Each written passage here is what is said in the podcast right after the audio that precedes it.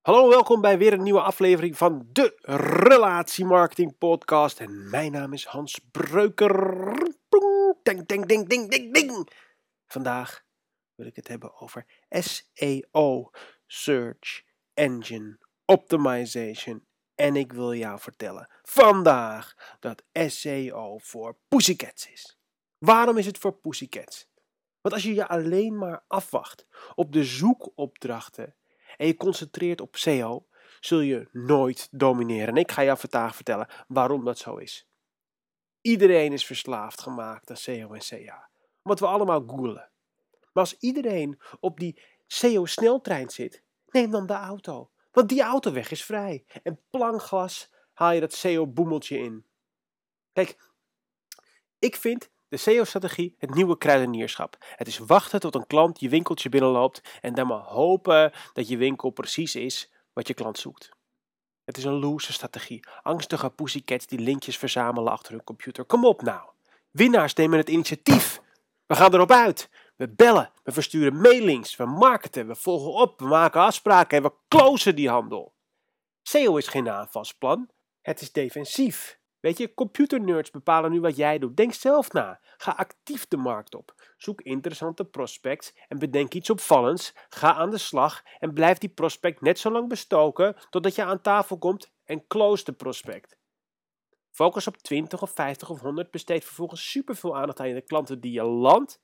En je kan niet meer stuk. Weet je waarom? Je moet vraag creëren. Je moet aandacht opeisen. En dat kan alleen maar op een creatieve manier of supergoeie klantenbehandeling. Kom op!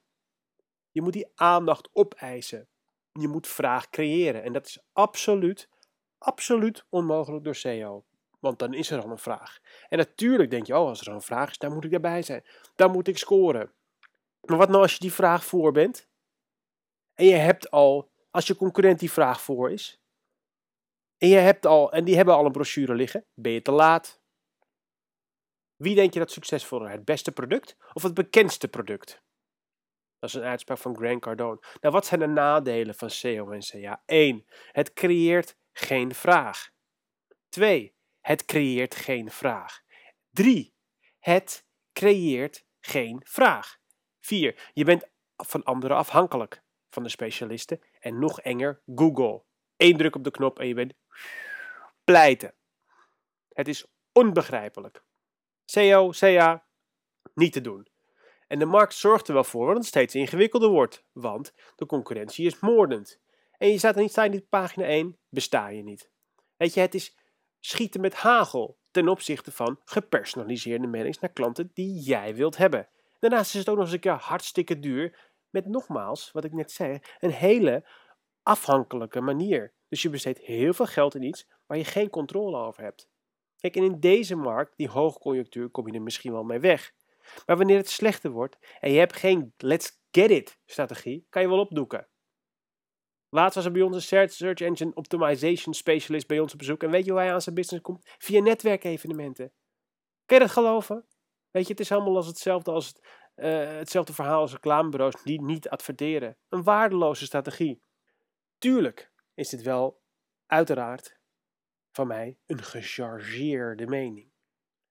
Als je niet weet waar je klant zit, als je bijvoorbeeld uh, dekbedden verkoopt, is het heel lastig om een consument over te halen om naar jou te komen.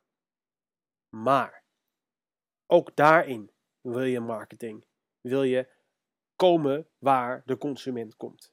Als je alleen maar op SEO zit, te laat. Bedankt voor het luisteren.